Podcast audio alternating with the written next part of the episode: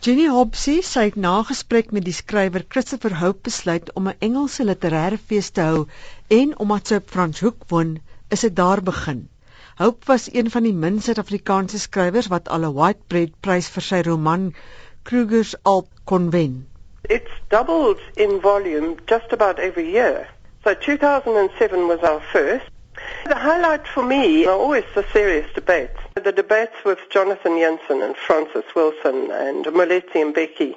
Those ones which we put in the biggest venue, a book out very fast. Die jongste biografie van Bram Fischer is een van die Afrikaanse boeke wat bespreek word. Die verhouding tussen hom en sy ma, Ella Fischer, is die onderwerp van die boek. That's another highlight for me. I know both the Fisher daughters. And uh, when the most recent biography came out, I phoned and asked if they would kindly come and talk. And they were not very keen, but I assured them it wouldn't be in a huge venue. And now I think they're quite up for the occasion. I think that'll be very special. Alexandra Fuller wat oor Afrika skryf, is nog 'n gas by die fees. Sy is in Engeland gebore en het op 2 jarige ouderdom saam met haar ouers na Zambië geëmigreer. Alex Fuller has been before. She came trying to remember the year about 3 years ago.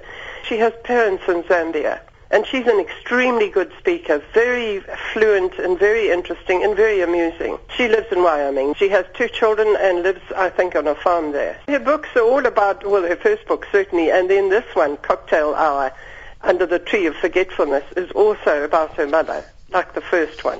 Die geleentheid spog ook met kabarei optredes. You know Peter Durgase. His events are booked out.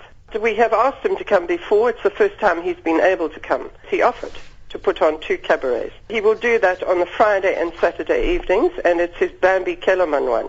Die plaaslike gemeenskap word betrek met 'n boekweek vir jong lesers. That is really exciting for us. For the first time, we've got a book week for young readers in which we are reaching out to all 4,000 plus learners and students and children in our valley. So during this week, nearly 50 children's authors are going to visit the valley during the mornings and speak to every single classroom in the valley. 'n Gedeelte van die kaartjiepryse gaan na die biblioteekfonds. The FLF Library Fund, it's been established to create a new community library where it's most needed, which is in Crundal, and we're waiting to see where the municipality wants to put it. We will go in with the municipality. Crundal is just outside Franschhoek on the left. Crundal, uh, Chochombeni, Mooibater is the whole settlement there.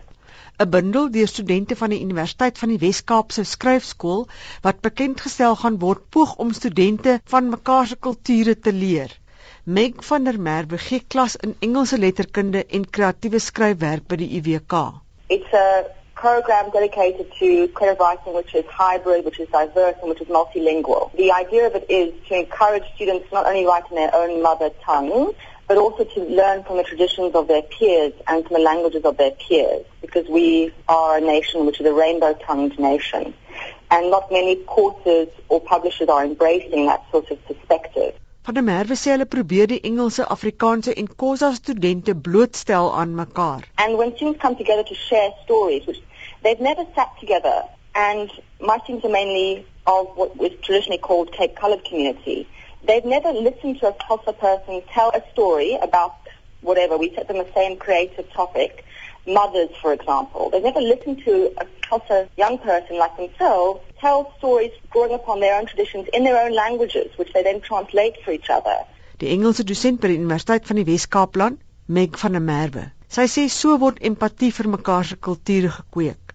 Mitsi van der Merwe in Johannesburg.